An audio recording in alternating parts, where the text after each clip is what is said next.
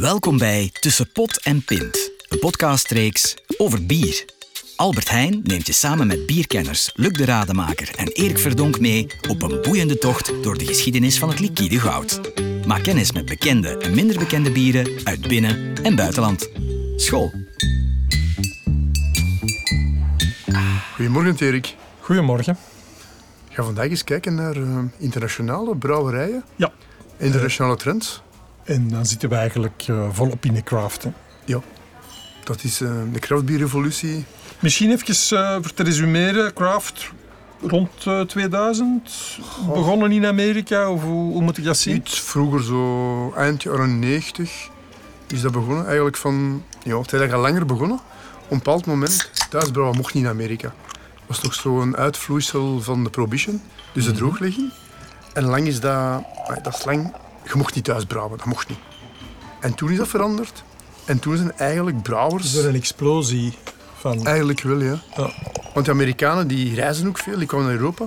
En die dronken van die raar Europe- in hun ogen raar Europese bieren. Want we waren zij gewoon pils, pils, pils, pils en nog eens pils. School, hè? En dan thuis in keldertjes begonnen die te brouwen. En dan, ja, Amerikaans ook ondernemend, hè. En dan dat begon van, ah, mijn bier is wel goed. En dan, ja, die mens, dat aan zijn buren, aan zijn vrienden. En dan een klein brouwerijke in de kelder. Dan in een garage erbij. Dan de fermenter in hun tuin. En voordat je het weet, waren er kraftbrouwers.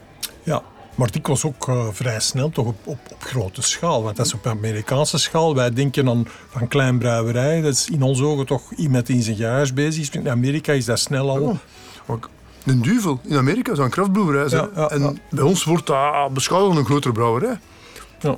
Bijvoorbeeld dit, we zijn nu Goose Island aan het drinken. Mhm. De Goose Island IPA, Midway. Ik weet niet dat je Midway kent, dat is zo een eilandengroep. Chicago? Ja, de Goose Island, oorspronkelijk van Chicago. Maar Midway, die eilandengroep, dat is zo eigenlijk Midway, half weg. Dat is een eilandengroep middenweg tussen Japan en Amerika. Ah, oké. Ja, de Battle of Midway. Allee, er allee, ja, er zijn al 500 films over gemaakt. Je kent dat. De Amerikanen, wat de eerste keer de Japanners versloegen. En dat is dan Midway. Dus waarschijnlijk Midway IPA. Ik ben niet zeker, maar het zal daar wel naar verwijzen. Maar de brouwerij was eigenlijk op een eiland in Chicago. Oké. En ook eh, klein begonnen, eigenlijk doorgegroeid. En een paar jaar geleden is dat dan overgegaan in de handen van AB InBev. En dat, dat werk is eigenlijk van een lokaal merk, van Chicago en... Internationaal of nationaal? Internationaal, internationaal doorgebroken. En je hebt productiebrouwerij van in Korea, in China, waarschijnlijk in Europa ook, maar dat durf ik niet zeggen. En dat bier is nu van een standaard bier binnen het aanbod van AB AB InBev, maar wel in een kraftsegment. We gaan eens proeven, hè. Ja. Als je dat proeft, dat is mooi, hè. Steenfruit. Mooie kleur, mooie schuimkraag. Rond wat er doorkomt, niet overdreven bitter. Ah. Session IPA, mooi Naar, Amerikaanse normen eigenlijk nog een brave IPA. Dat is naar Amerikaans normen heel braaf. Naar omgeoefende Europese kelen is dat al pittig. On- ja. Biergeeks gaan zeggen, nee, dat is helemaal niet pittig.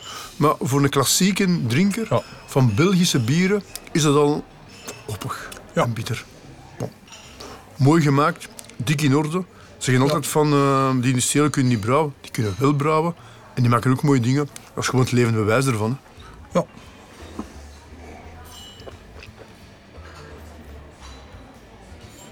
Maar eens terug te komen op die kraft. Dus ontstaan in Amerika, uit dat homebrewers gebeuren, brouwerijen gesticht. Nu zijn gigantisch, zijn gigantische brouwerijen. Sierra Nevada, Goose Island, Boston Beer Compagnie, eh, New Belgium.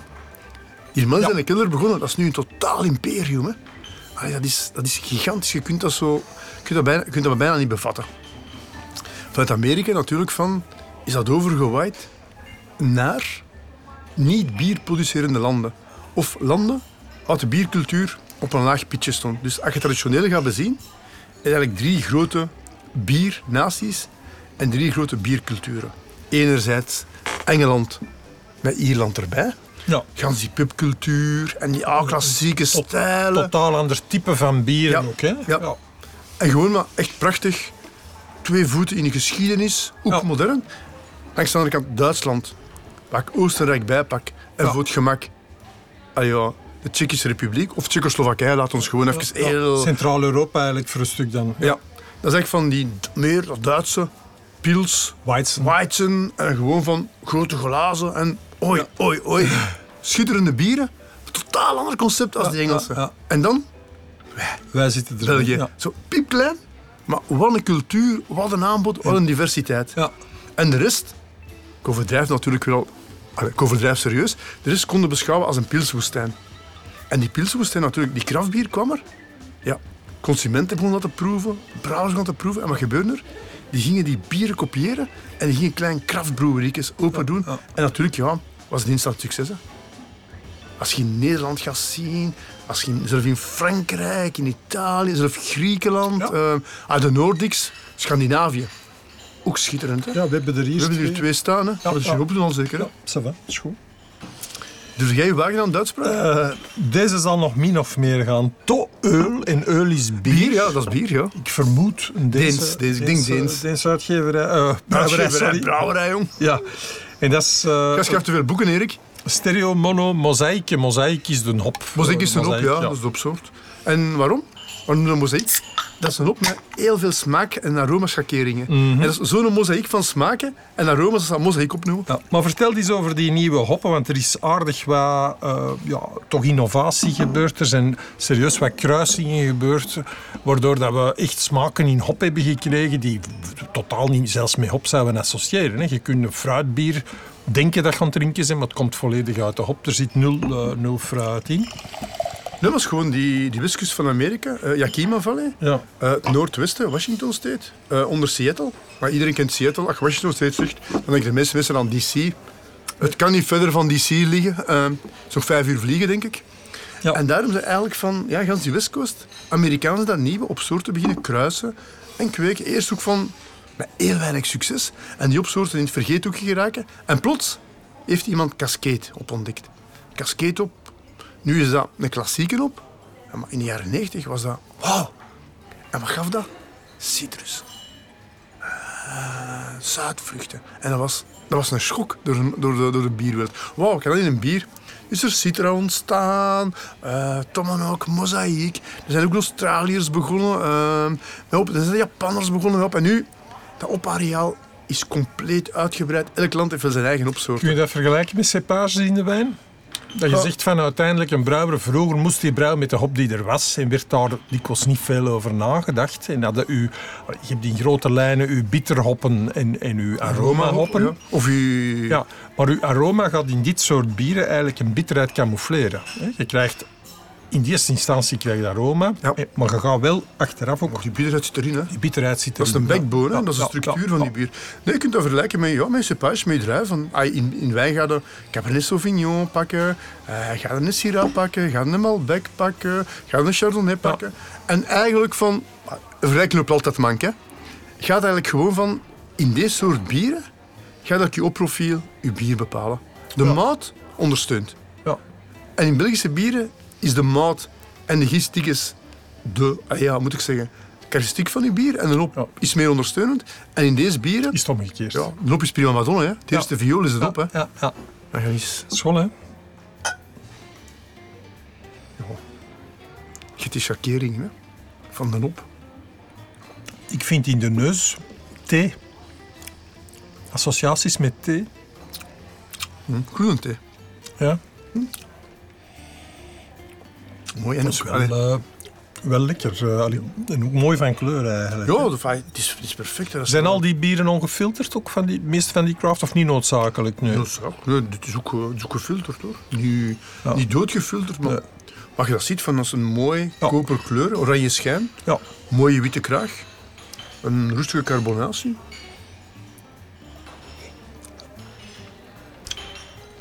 Ja. Kun je er niks slecht van zeggen. Hè.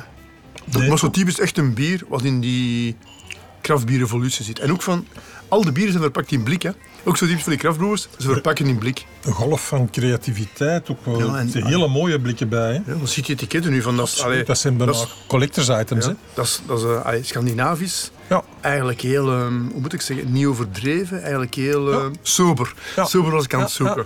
Bier is totaal niet sober, maar de verpakking is Maar beginnen sober. nu eigenlijk ook eh, daar strikkingen eh, te, te vinden die je kunt linken aan landen dat je zegt, of aan streken dat je zegt, ja, die Scandinavische craft beers, dat zit meer of in die, die richting, of zit dat allemaal toch nog wel in die grote, in die grote mix van die, eh, van die craft beers? Dat is nu een van de nieuwe trenden.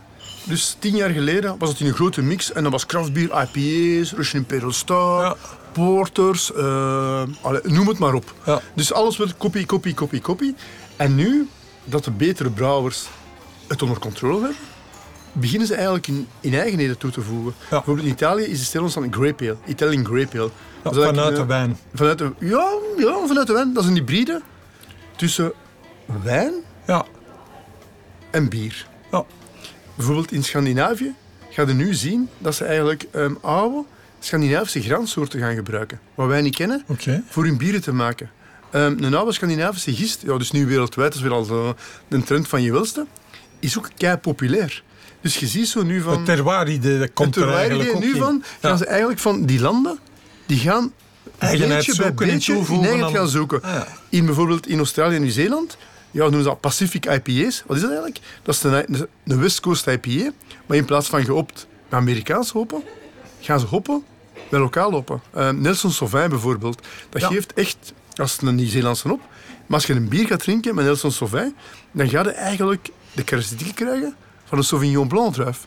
Wat heel populair is in Nieuw-Zeeland. En ga maar door, ga maar door, ga maar door. Bijvoorbeeld in China gaan ze heel veel werken met kruiden. Met bepaalde kruiden, kruiden wat wij niet kennen.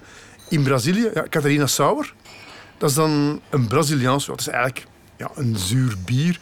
Dat is gebaseerd op Berliner Weisse, Geuze.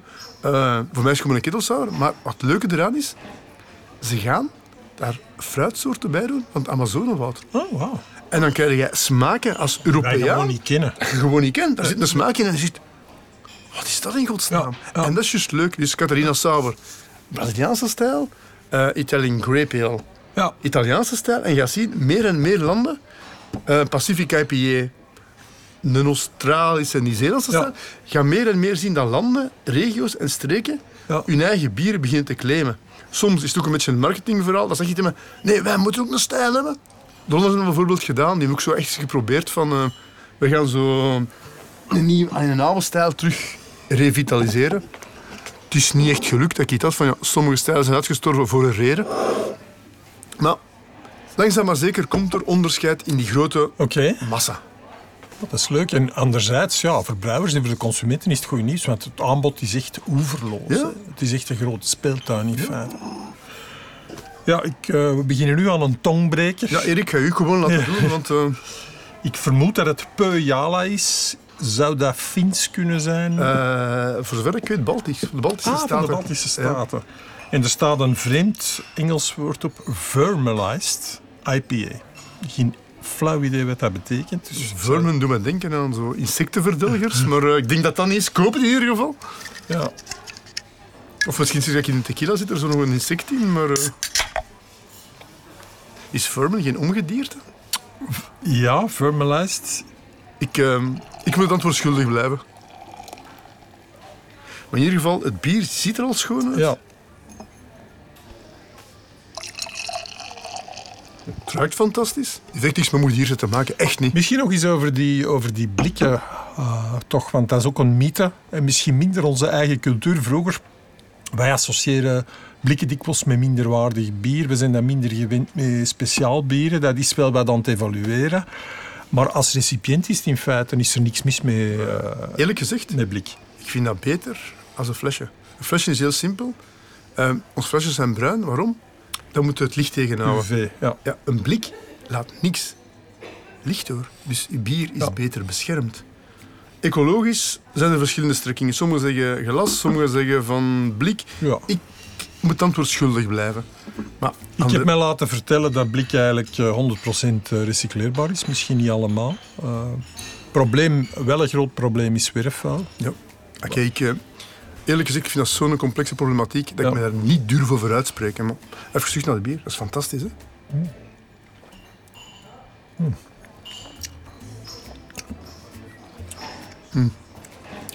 Mooi evenwicht. Ja. Hop zit erin. Mooie bitterheid. Zo zo'n klein uh, aardstoetsje aan. Zo in de, in, de, in de nasmaak heb je zo een klein droog aardstoetsje. Wat echt, ik vind dat dat bier afmaakt. Ja. Dus nu kun je eigenlijk als bierliefhebber al uit, uit heel die range van IPA's kun je eigenlijk uh, enorm gaan zoeken en, en combineren. Ja. En, uh, en je IPA zoekt van, vroeger was het een IPA en een IPA. Dan is die scheiding ontstaan tussen English IPA met Engelse open. Amerikaans. Dan Amerikaanse IPA. Dan is er de uh, Black IPA gekomen, dus een donkere IPA. Wat in mijn ogen een klein beetje heel licht aanleunt bij ja, de stout. Een Amerikaanse dat wat zwaar gehopt is. Soms een blindproeverij haalt het verschil niet uit. Ja. Dan is er een brut IPA gekomen. Een IPA um, vergist met... moet ik het zeggen? Met champagnegist of met wijngist. Belgium-style IPA. Dat is een, eigenlijk een IPA vergist met een Belgische gist. Wat soms heel slechte resultaten geeft. Want soms vechten. Uh, wat hebben we dan nog? Ja, die Pacific IPA, waar we erover gehad hebben. Ja. Uh, Session IPA. Punk IPA. dat, was een merk, Erik. um, ja, die een Belgium IPA, die Pacific IPA. Ja. Die ja, New, New England, England IPA, ja. wat er gehad hebben. Ja, dan, dat blijft. Ja, ja. Dus een IPA, je hebt zoveel verschillende ja. soorten. Maar de tijd dat we echt, uh, want dat was bijna een karikatuur in het begin van bitterheid, soms dat je dacht van, uh, dat is op een etiket een kleine van of een grote van, dat op de duur eigenlijk zo bitter was dat je de dag erop eigenlijk de mond nog anders proefde. Ja, kijk, maar eerlijk gezegd, bitterheid op een bepaald moment is dat, bitter. Is dat. En dan sommigen pakten op van 1000 IBU's. IBU's is de, is de maat voor bitterheid uit te drukken. Maar dat was gewoon, dat was belachelijk. Ja. Dat was compleet belachelijk. Dat was gewoon, voor mij, in mijn ogen, Ja. was het gewoon verspilling van op. Op een bepaald moment smaakte met menselijk palet het verschil niet meer. In de labo kunnen analyseren, maar het menselijk palet, vergeet het. Ja. Maar bon, het moet verkopen. Ja. Je moet je onderscheiden van je conculega. Ja, dat moet, dat moet die doen. Hè. Ja. Maar dit... eh,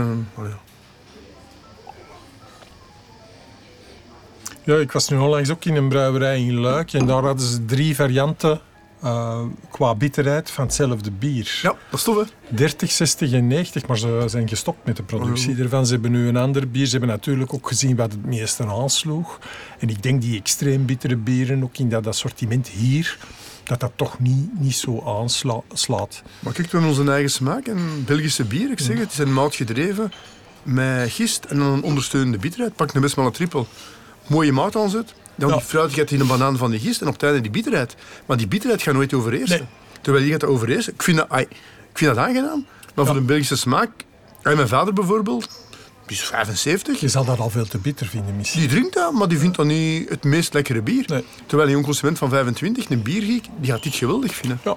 En voor alles moet er iets Ja, zijn. Hè? ja. Maar Maar we zitten toch meer eigenlijk nu uh, ook in een, uh, wat op zich uh, ja, heel leuk is, een speeltuin in feite, waarbij dat, in craft zie je dat toch sterk. Je moet altijd met iets nieuws komen, je moet snel met nieuwe dingen komen. En dan zal het klinken en botsen zijn. Hè. Er zijn andere uh, gevestigde brouwers die zeggen vijf jaar voor een, voordat je een bier op punt hebt. Zou ik kunnen zeggen, een Orval, eh, die mannen hebben maar één bier. dat is perfect in orde. Hè? Ja, ja. Het probleem is een beetje van, bij die biergeeks, dat zijn tikkers, ontapt, die een hebt. En die willen gewoon van, allee, Vind je hun lijstjes af? een lijstje afvinken en die willen altijd... In, in Amerika bijvoorbeeld een café. Hier gaat een café binnen. Ah, daar is een goede Westmalle trippel. Daar is een duvel goed. Hier is een Ja. Stella van het vat perfect. Daar is dat, daar is dat. In Amerika komt binnen en die lijst verandert tapkranen altijd. Over er? tapkranen en... Hoeveel wisseltaps? Ja, wat jij, was er vandaag? Wil jij niet vandaag? Ah, dat ga je nog niet. Dat ga ik pakken. Ja. Maar een Amerikaan, bij wijze van spreken... Mijn vader gaat elke nacht naar het café, drinkt elke dag dagglas bier. Een Amerikaan gaat binnen met elke dag iets nieuws. En zo simpel is dat. En dat is ook die nieuwe krachtwereld. Is dat goed? Dat weet ik niet. Is dat slecht? Dat weet ik niet. Het is gewoon anders. Het brengt heel veel beweging in de markt, dat zie je wel. En ook de gevestigde brouwerijen hebben daar, moeten daarop reageren. Worden- Waardoor dat er veel meer limited editions, dat er wordt geëxperimenteerd. En dat er eigenlijk wel wat stof ook van... eh allez, van, het, heeft van al, het heeft alles wakker geschud en Ja. blijft alles wakker schudden. Ja. En dat is goed. Ja. Moeten die elke week een nieuw bier op de markt brengen? Dat vind ik overdreven. Ja. Heb je vijf jaar nodig voor een bier te ontwikkelen? Dat weet ik ook niet. Maar dat zal altijd zeggen, hè. de gulden middenweg is soms zo slecht toch niet. Oké, okay. Dit was Tussen Pot en Pint. Bedankt om te luisteren.